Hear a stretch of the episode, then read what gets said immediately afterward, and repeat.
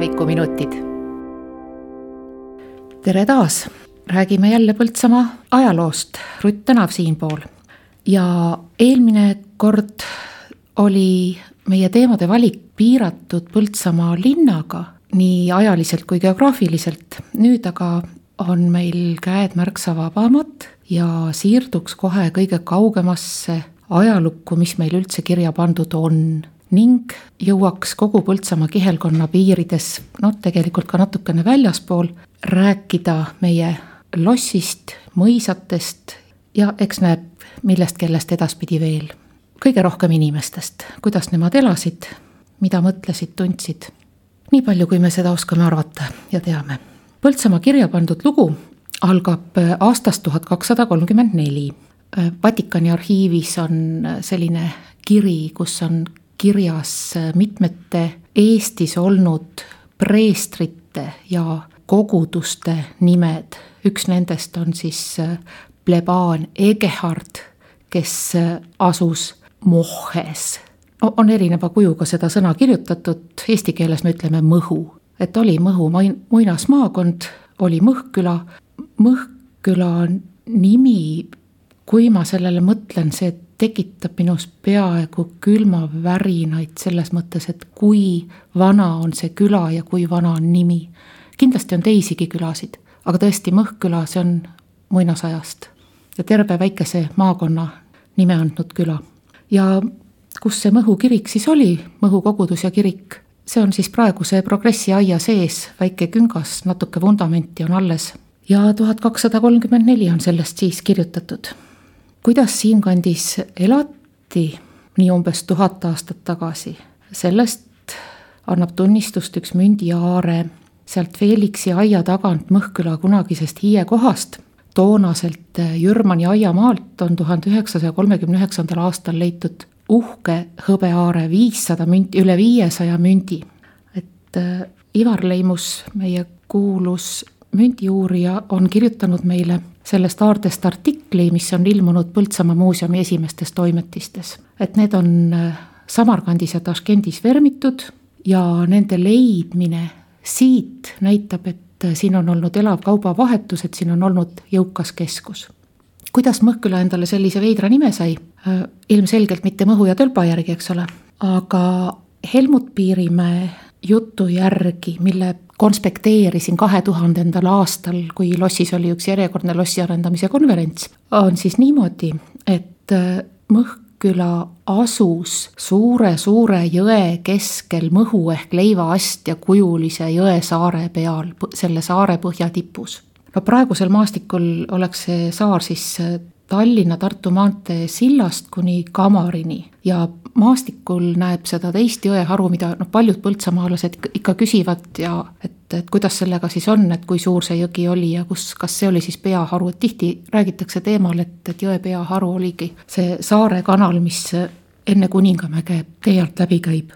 sellest on käinud muidugi maaparandus üle, nii et ta ei ole enam nii väga kanal, aga minule rääkis ka siis kahe tuhandenda aasta paiku meie vana füüsika ja astronoomiaõpetaja Valter Vunk, et viiekümnendatel aastatel oli suurveega võimalik Saare kanalis kalu püüda ja kolmekümnendate aastate kaartidel, kus on Äh, maastikul märjemad alad niimoodi noh, nagu ikka soo, soist maad märgitakse, äh, peale joonistatud, siis seal on näha ka, kuidas selline märjem ala tuleb sealt Tallinn-Tartu maantee alt ja, ja, ja siis Kuningamäe alt läbi ja, ja läheb edasi.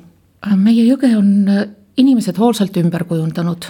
ehituseks on ikka paekivi murtud jõepõhjast siis jõge on paisutatud, on rajatud mitmesuguseid veskeid. kui läks linnuse ehitamiseks, siis kindlasti suure silla juures olnud paisust oli abi, et täita linnuse vallikraav veega. ja sedasama kivilinnust hakkas Saksa ordu ehitama kolmeteistkümnenda sajandi lõpupoole, ehk siis tuhande kahesaja seitsmekümne teisel aastal. no Põltsamaa linnus, see on ikka meie kõige olulisem tunnusmärk ja ta on ka väga-väga eriline ehitis. Miks tema just siia ehitati, miks oli siia mingit linnust vaja Saksa ordul? no siin oli enam-vähem Saksa orduriigi põhjapiir, põhja pool olid taanlased, siis see maantee Mustvee-Jõgeva, Põltsamaa, Võhma joonel on ka üks väga oluline vana ida-lääne suunaline maantee, sest et äh, nii põhja pool kui lõuna pool on sood ja metsad. noh, niimoodi on see olnud alati ka sõjatee, et meie piirkond on alati jäänud ka sõdadele jalgu. ja eks siis ongi vaja linnust ja ei saa unustada ka Põltsamaa jõge taas, mis on olnud palju-palju veerikkam, mis on olnud veega ühendustee kahe Hansa linnaga, no tegelikult ka kaugemal rohkem, aga eelkõige Tartu ja Viljandiga et Põltsamaa jõgi sel, sedamööda Emajõele ja Emajõge mööda siis Tartusse ja Viljandisse, kuidas parasjagu vaja on. nii, aga, aga kes siis seda linnust ehitasid, no Saksa ordu jaoks, aga ehitajateks meie kõige kuulsam linnuste ja kloostrite ja kirikute uurija Villem Raam peab äh, siis tertslaste ilmikvendadest ehitusbrigaade, et selline mõiste. ja kui head töömehed nemad olid, sellest äh, on Villem Raam no võib-olla isegi vaimustuses oleks õige öelda, sest äh, kui kaheksakümnenda aasta paiku olid äh, lossis linnuses taas renoveerimistööd plaanid, siis enne seda Villem Raam uuris kõik, kõik läbi, uuris läbi kirjanduse, uuris läbi ehitised, kõik kivid, kuidas nemad kuskil on ja kirjutas kokku saja kuueteistkümne leheküljelise teksti jooni Põltsamaa linnuse ehitusloost ning tema kujunemisest lossiks ja seda teksti võib äh, igaüks ise lugeda register.muinas.ee lehel ehk siis Muinsuskaitseameti kaudu. ja noh, mina olen selle teksti mitu korda põhjalikult läbi töötanud ja püüdnud sealt siis kõige ilmekamaid detaile välja tuua, sest et ega siis sada kuusteist lehekülge, seda ei saa ju kogu aeg inimestele rääkida. Põltsamaa linnus on ruudukujulise põhiplaaniga ja kui tavaliselt eeldaks, et kõigepealt ehitatakse mingisugune kivitorn näiteks. ja siis hakatakse ümber ehitama veel mingit kivimüüri suuremat ja siis veel suuremat. siis Põltsamaal on kõik täitsa vastupidi. kõigepealt on just ehitatud selline lihtne nelinurkne, sada korda sada meetrit kivimüür ja selle ümber vallikraav. ja peaväravad olid need, mida me kasutame praegu ühte küll natuke, aga teist üldse mitte ehk siis on loodeseinas ja kaguseinas ehk siis kiriku kõrval, õigemini kirik ise oligi eeskaitseehitis ja mitte kirik. Ning äh, loodeseinavärav on siis see, mis on kinni keevitatud seal muuseumi ja restorani vahel. ja ka sellel loodeväraval olid eeskaitseehitised ehk siis kivimüürid läksid vallikraavini, müüri peal oli kaitsekäik. Ja praegu sellest kunagisest väravakohast noh, neid müüre on igalt poolt huvitav uurida, näeb kaari, näeb auke, näeb ka ühte müüritreppi. linnuse seest küljelt paremal poolt väravast läheb üks trepp müüri sisse, noh praegu läheb müüri sisse, enne läks müüri peale. ning selle värava ees üks kõige veidram asi, mida noh, seda ei ole maastikul üldse võimalik ette kujutada, aga seal on olnud torn, lausa nelja korrusega torn. just selle tühja koha peal, kus ei ole ühtegi hoonet. et selline lugu. Alguses ehitati müüri ainult kolm meetrit kõrgust ja kuna praeguseks nende sajandite jooksul on kultuurkiht ehk siis see, see kõik, mis, mis pudeneb ja sajab alla ja maa peale maha jääb, see kultuurkiht on ligikaudu kaks meetrit. nii et siis võib arvata, et äh, suuresti on see vana müür seal maa sees. ja edasi oli siis selle müüri peal puust, noh puust kindlustused aga järgnevad põlvkonnad juba ehitasid müüri kõrgemaks, juba jõudis ta kaheksa meetrini, praeguseks üheteist meetrini. ja, ja mis on siis selles suures müüris nii erilist? Villem Raam ütleb, et, et oma ümbermõõdu poolest juba on Põltsamaa linnus suurim kõigist Eesti ja Läti ala keskaegsest linnustest ja et see on ehitatud Vana-Rooma piirilinnust ehk siis liimeste eeskujul. no siit sõltub nüüd, kes millises infoväljas elab, aga kui, kui keegi näiteks on kursis Asterixi koomiksitega, siis seal Asterixi koomiksis just nimelt on nendel roomlastel sellised linnused, mida me võime siis ette kujutada, et Põltsamaa oli ka. et ruudukujuline kivimüür ja kahes vastasküljes väravad. mis on veel äh, Vana-Rooma ehitistest pärit, kõrge ehituskvaliteet, lint sirgeteks kihtideks ühtlustatud kiviladu ehk kui te vaatate väljaspoolt meie linnuse müüri, no näiteks sealt Viljandi poolt suunalt, Võhma poolt suunalt, siis on selgelt näha sirgete maakivide, maakiviread. et äh, laotakse paekiviga pind tasaseks ja siis tuuakse üks rida maakive, siis jälle paekivi ja siis jälle üks rida maakive. et selline moodus. linnuse müür on ka väga paks, tema vundament on no mitte päris kolme meetrit, aga kaks koma seitse meetrit lausa paks ja, ja et ka see näitab, et ta on väga vana. ainulaadne asi Eestis või vähemalt haruldane asi on samas seinas, aga kõrgemal olevad laskeavad, et on vaheldumisi väike-suur-väike, väike-suur-väike, sellise rütmiga laskeavad müüri sees, tellistega vooderdatud. no väljastpoolt vaadates on nad hästi kitsad-kitsad, seestpoolt muidugi tüki laiemad. Siis äh, kahjuks Villem Raamil tuli ka kirjutada korduvalt-korduvalt et midagi läks kaotsi renoveerimistööde käigus. mitmed toredad lubipõrandad, siis üks ainulaadne asi, millest on midagi vast alles, aga seda ei ole peaaegu näha, on siis jõepoolsel küljel restorani ukse lähedal üks teine uks veel. see on olnud veel seitsmekümnendatel aastatel terviklikult säilinud telliskootika portaal no mul õnnestus seestpoolt küljest natukene midagi sealt pildistada, et, et ehk on midagi alles ülejäänu all. aga muidu jah, tihti on just need renoveerijad on need, kes päästmatult lõhuvad, lõhuvad ära midagi, mis veel alles oli. mis on veel alles ja mis oli kaua aega peidus krohvikihi all ja mis on veel üks väga haruldane asi, on siis konvendihoone ehk siis selle päris lossi fassaadi kaunistused ehk siis on sellised äh, süvendid või nišid, võib-olla olid seal ka kunagi mingid kujud, ei tea, aga aga siis selline fassaadi kaunistus, et see on ka väga ainulaadne asi. Ja selle teema kokkuvõtteks, et mis meie linnuses nii erilist on, ütlen veel, et umbes sama juttu pikemalt, põhjalikumalt, kes ei taha sealt register muinasee eest tervet Villem Raami teksti lugeda, siis lühem kokkuvõte on ilmunud Äh, raamatus äh, Põltsamaa ilust ja inimestest ehk siis Põltsamaa muuseumi teistest toimetistest.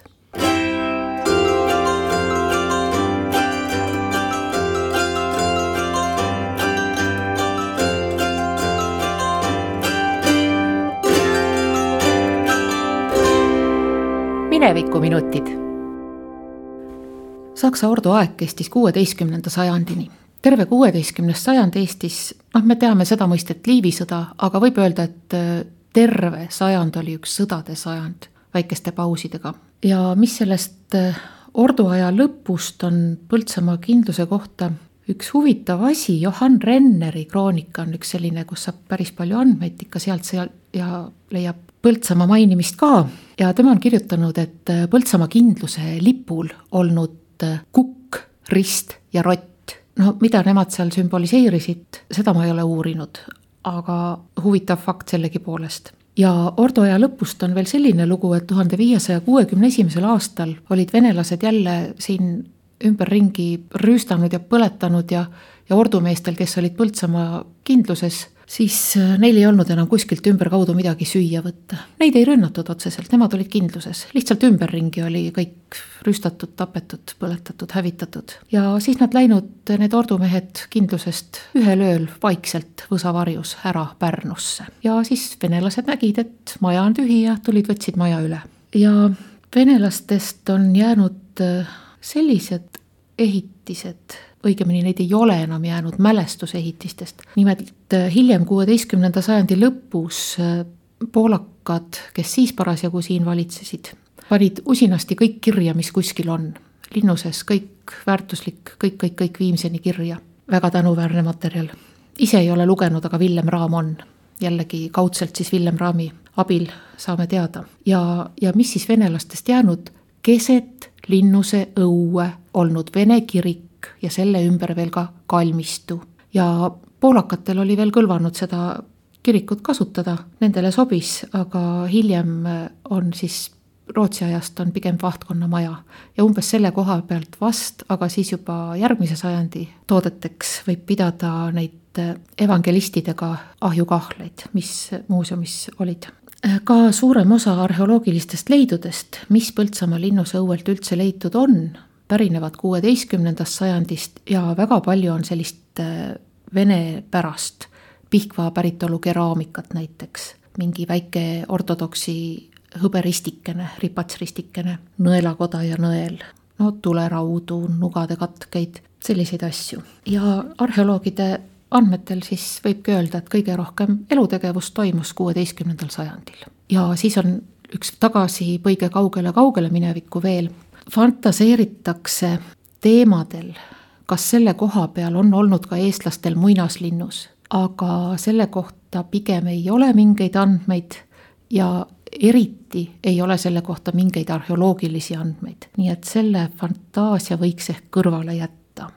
muinaslinnus meie piirkonnas on siiski seal Kalanas, Otissaare linnus. aga tagasi siis kuueteistkümnendasse, sellesse koledasse sõdade sajandisse, oli üks lühike periood, kui Saksa ordu võim oligi läbi, no nagu sai juba öeldud, et siit Põltsamaalt läksid ära Pärnusse, aga siinsed maaomanikud, no üle Eesti, üle Liivimaa valdavalt ju saksa päritolu maaomanikud, eks ole. igatsesid väga rahu, nemad oleks tahtnud vilja kasvatada, vilja müüa ja et oleks rahu. sõjakad olid toona Poola, Rootsi, Venemaa, aga just Taani oli parasjagu nõrk ja sellepärast rahulembene ja siis mängis Vene tsaar Ivan Julm sellise mängu, et nimetas Taani kuninga poja Magnuse Liivimaa kuningaks. Et äkki siis need kohalikud maaomanikud näevad, et oo, et see on ikka nagu selline kuningapoeg ja et see kuningapoeg võiks äkki neile olla kõigile lääni isandaks, et nemad hakkavad alluma kuningale, aga kuningas allub tsaarile, et selline mäng.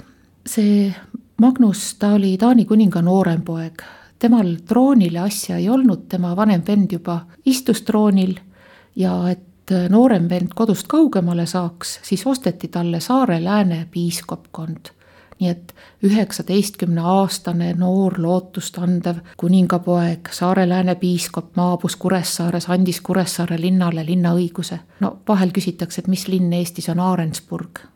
see on siis Kuressaare, nii et Aarensburgi linnaõigus ja Kuressaares Magnus vermis ise ka münte, et piiskopil oli müntide vermimise õigus. üks selline on meil ülikooli kogust laenutuna ekspositsioonis, oli vähemalt aga mis sest Magnusest siis edasi sai, temast sai veel ka Tallinna piiskop, temast sai ka Kuramaa piiskop.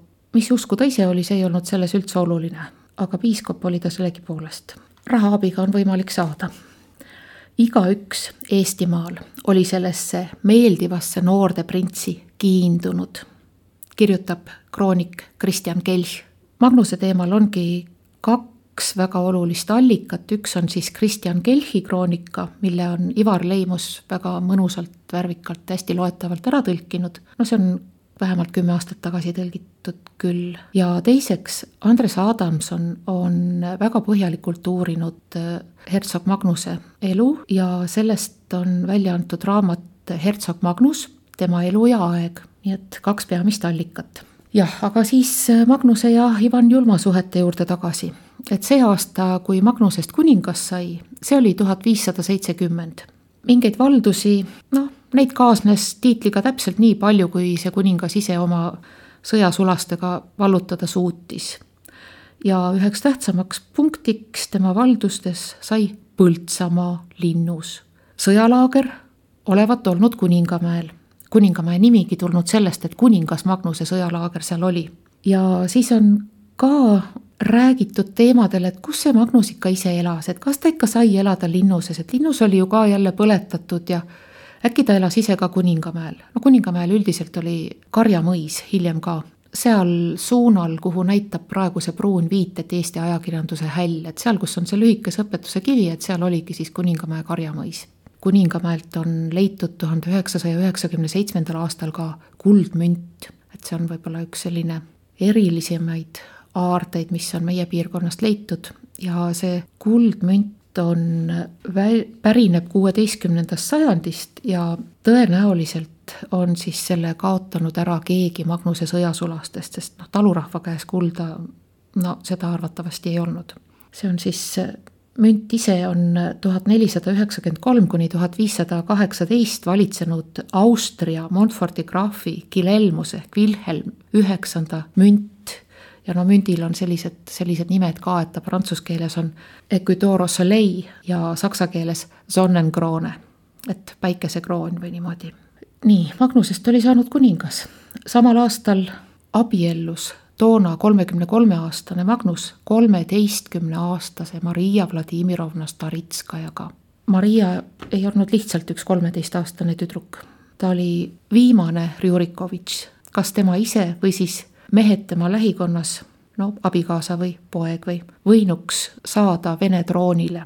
Ivan Julma kohta oli teooria, et ta ei olegi võib-olla väga vürstipoeg, aga tema ametliku isa ehk siis Ivan Julma ametliku isa Vassili kolmanda nooremal vennal oli poeg Vladimir, Vladimir Staritski ja Maria oli siis omakorda selle Vladimiri tütar. kõik ülejäänud äh, perekonna oli Ivan lasknud tappa, osalt äh, sundis mürki jooma, sellest on, noh, sellest on kirjeldusi. koledatest asjadest ei tahaks palju rääkida. või siis, või siis olid osa inimesi muul moel ära tapetud. aga Maria, pisike tüdruk, olla siis Ivan Julma silmis armu leidnud, tegelikult ka tema natukene vanem õde. et kõigepealt äh, kaubeldi Magnusele vanemat õde, aga see vanem õde ikkagi suri ära millegipärast ja, ja siis, siis anti Maria Magnusele. aga hiljemgi veel valvasid ligikaudsed valitsejad, kuidas Maria elu läheb, kus ta on et tema on ikka võimalik troonipretendent. mis aga Liivimaal toimus Magnuse all, toimus see, et peagi said Liivimaa aadlikud kõik aru, et mis saab Taanile või Magnusele, läheb tegelikult Vene võimu alla.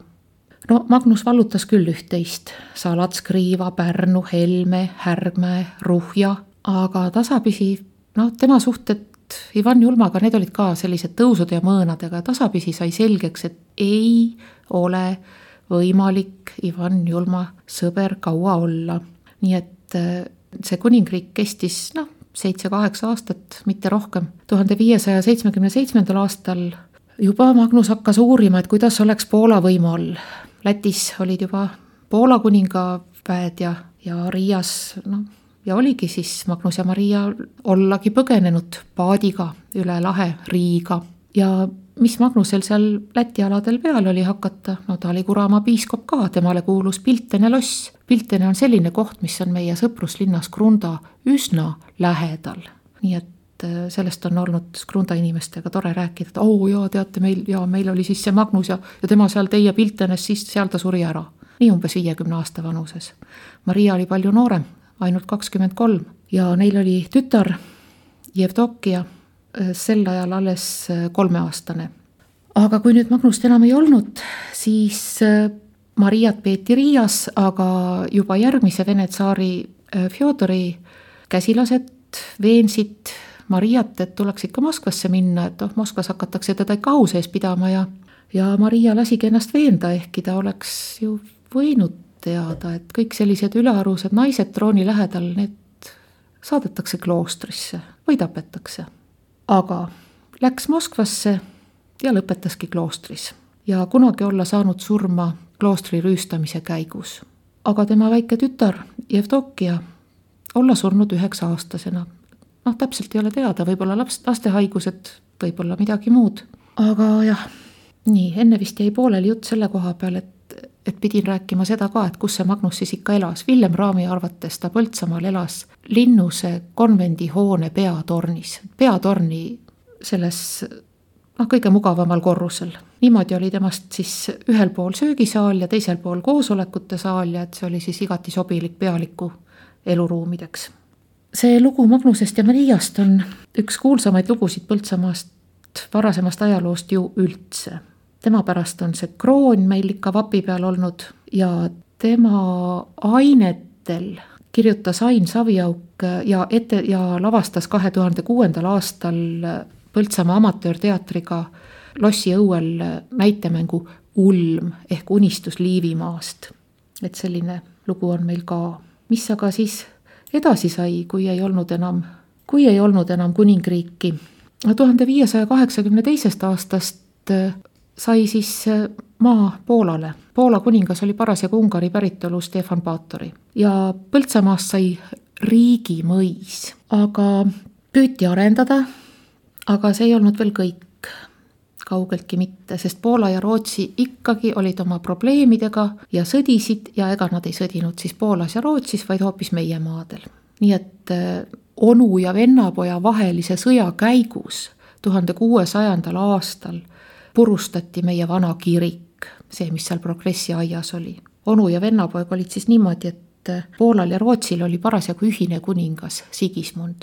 tema isa oli eelmine Rootsi kuningas ning ema oli pärit Poolast, Katariina Jagellonika, ja ta kasvatati katoliku vaimus ühiseks kuningaks, aga muidugi, kuna ta oli katoliku usku, siis oli ta pigem Poola kuningas ja rootslastele ei meeldinud. ning siis tema onu, Södermanlandi hertsog Karl hakkas, tema juhtimisel hakati siis sõdima Sigismundi vastu. ja noh, etteruttavalt öeldes Karl lõpuks võitis jah, saigi Rootsi kuningaks. ja selle sõja ajast kerkib esile järgmine Põltsamaa lossi omanik esialgu veel mitteomanik, esialgu Liivimaa aadlik, kelle nimi on Herman von Wrangel.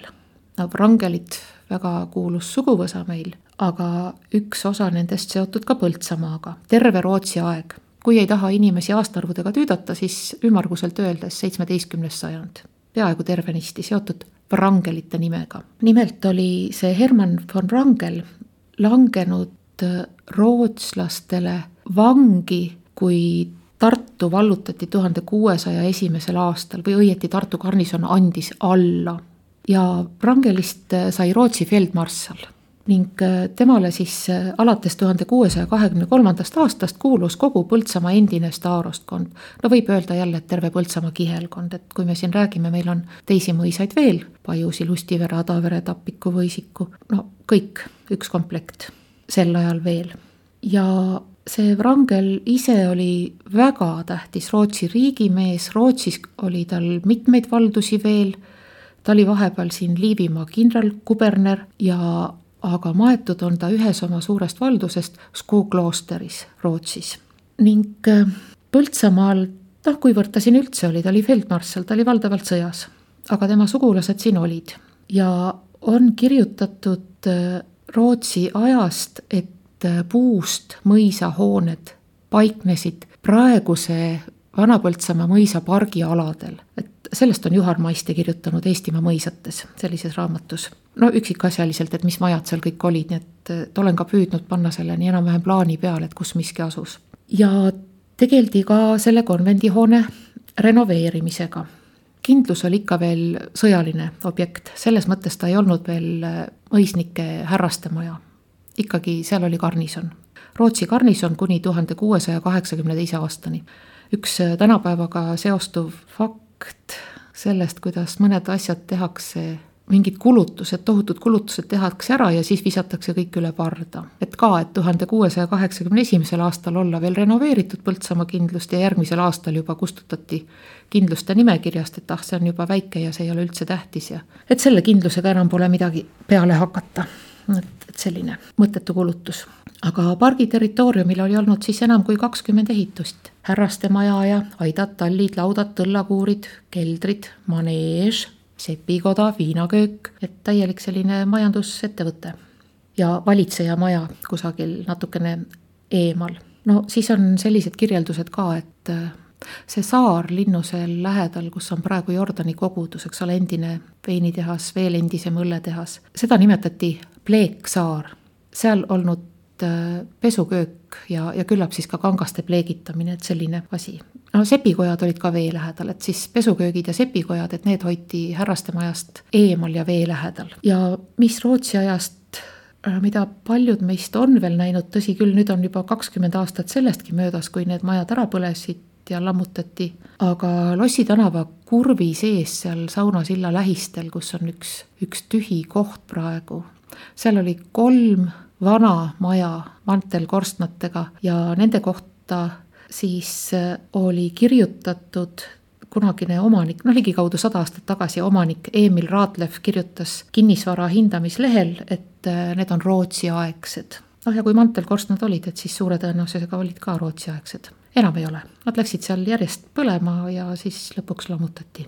jah, ja kuna ka vana kirik oli ära hävitatud, siis onu ja vennapoja vahelise võitluse käigus.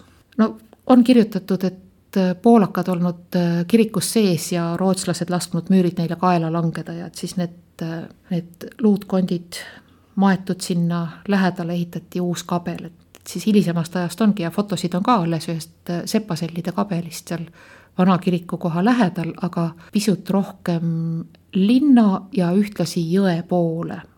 Et siis nende luude kontide matmiseks ehitatud kabel ja kalmistu muidugi oli ka seal vanal kohal, see oli seal kuni Katariina teiseni ja Katariina teise korraldusteni.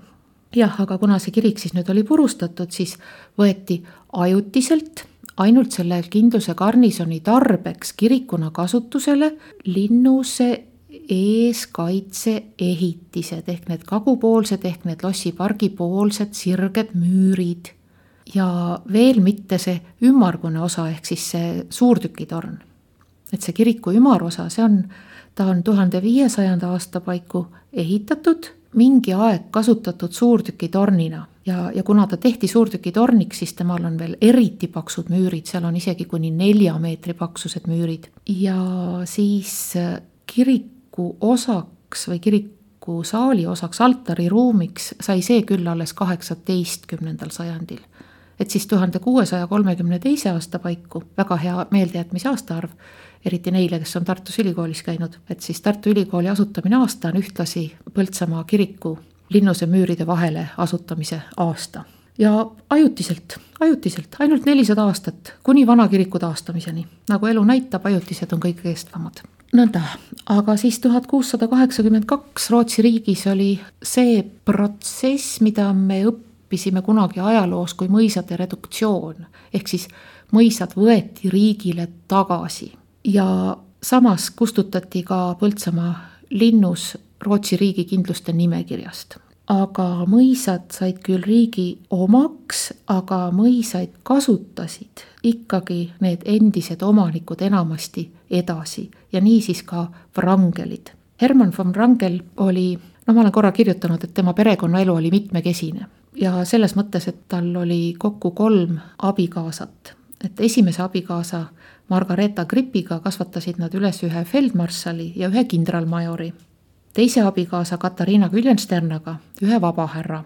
aga kolmandaks abikaasaks oli Nassau Siigeni grahvinna Amalia Magdalena ja tema sünnitas kuus last ja need, need kuus last on Põltsamaaga rohkem seotud Hermanni järel jäi siin mõisa oma, jah, omanikuks on nüüd vale öelda, omanik oli ju riik, eks ole. aga siia mõisa jäi eh, tema poeg, kindralleitnant Volmar Wrangel, selle Volmari järgi on Kõo mõis saanud oma saksakeelse nime Volmarshof. et noh, mõisad saksa keeles valdavalt õpevad sõnaga hof ehk siis õu või õukond või nii võiks seda sõna tõlkida aga Volmar ei olnud kaugeltki nii tegus, on kasutatud tema kohta arenguid silmas pidades sellist mõistet, et ta oli personaalset laadi pidur. aga mis tast ikka halvasti arvata, ta oli noor ka, ta vaene mees kolmekümne nelja aastaselt juba suri nakkushaigusse sõjaväljal Saksamaal. nii et jääb ainult kaasa tunda. keegi Wrangelitest ei tohiks olla Põltsamaa kandis maetud, pigem on nad ikka Rootsis maetud nendest Wrangelitest, kes Põltsamaaga seotud olid, teiste mõisate omad küll.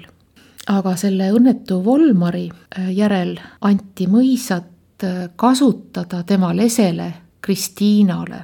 Kristiina oli kuninglikku sugu, et Põltsamaa linnuses teiste mõisate kohta mingil määral ka, aga eriti linnuses on meil siiski päris palju tegemist kuningliku ja keiserliku verega, aga ka sohilastega, kui seda noh, hinnanguid ei pea andma. Kristiina Vasaborg oli kuningas Gustav teise Adolfi ebaseadusliku poja Gustav Gustavsoni tütar.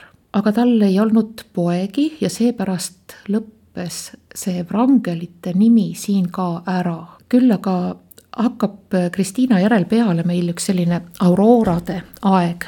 Äh, Volmari ja Kristiina tütar Aurora Polüdora abiellus äh, ja sai perekonnanimeks Oginska ning hiljem on temal olnud Põltsamaaga pistmist natukene, mitte tal endal, aga tema järeltulijatel. aga kõige kuulsam Wrangelite järeltulija Euroopas on lausa selline naine, keda Voltaire on nimetanud kahe sajandi kuulsaimaks naiseks. meie ei tea tast midagi, need sajandid on möödas, aga oli nii ja see on siis Hermann Wrangeli vanima tütre tütar Aurora Maria von Königsmark. No tema juhtub meil siiski ajalookirjanduses ette ka, kui me loeme äh, näiteks sellest, kuidas äh, Hannoverid tõusid äh, Inglismaa troonile, et siis seal on Königsmarkidel on ka taustal midagi tegemist. aga see Aurora Maria oli ühe väga kuulsa kuninga oluline armuke, arukas ja värvikas isiksus ja see suur, suur kuningas, kellega, kellega ta suhtles, oli Poola kuningas ja ühtlasi Saksi hertsog August Tugev, üks nendest, kes Põhjasõja valla päästsid. kui me nüüd äh, räägime igasugustest mõisaomanikest ja kes, kes, kelle lapsed siis äh, lisaks äh, kroonikale ja siin juba korra nimetasin Juhan Maiste raamatut Eesti mõisad, siis, siis üks väga oluline, oluline allikas on von Strücki Beiträge zur Geschichte der Rittergüter Lieflands tuhande kaheksasaja seitsmekümne seitsmendal aastal välja antud teos, kus on äh, kõikide mõisate omanikud, rentnikud kirjas, et kuidas need mõisad on pärandunud, nii et, äh, et see on jälle trükis, mille juurde tagasi pöörduda. nõnda, aga, aga see kahe Auroraga koos oleme jõudnudki Põhja ja August Tugevaga koos oleme jõudnudki Põhjasõjani. ja esimeseks saateks piisab nüüd küll, järgmine kord räägin juba sellest, kes tulid siia pärast Põhjasõda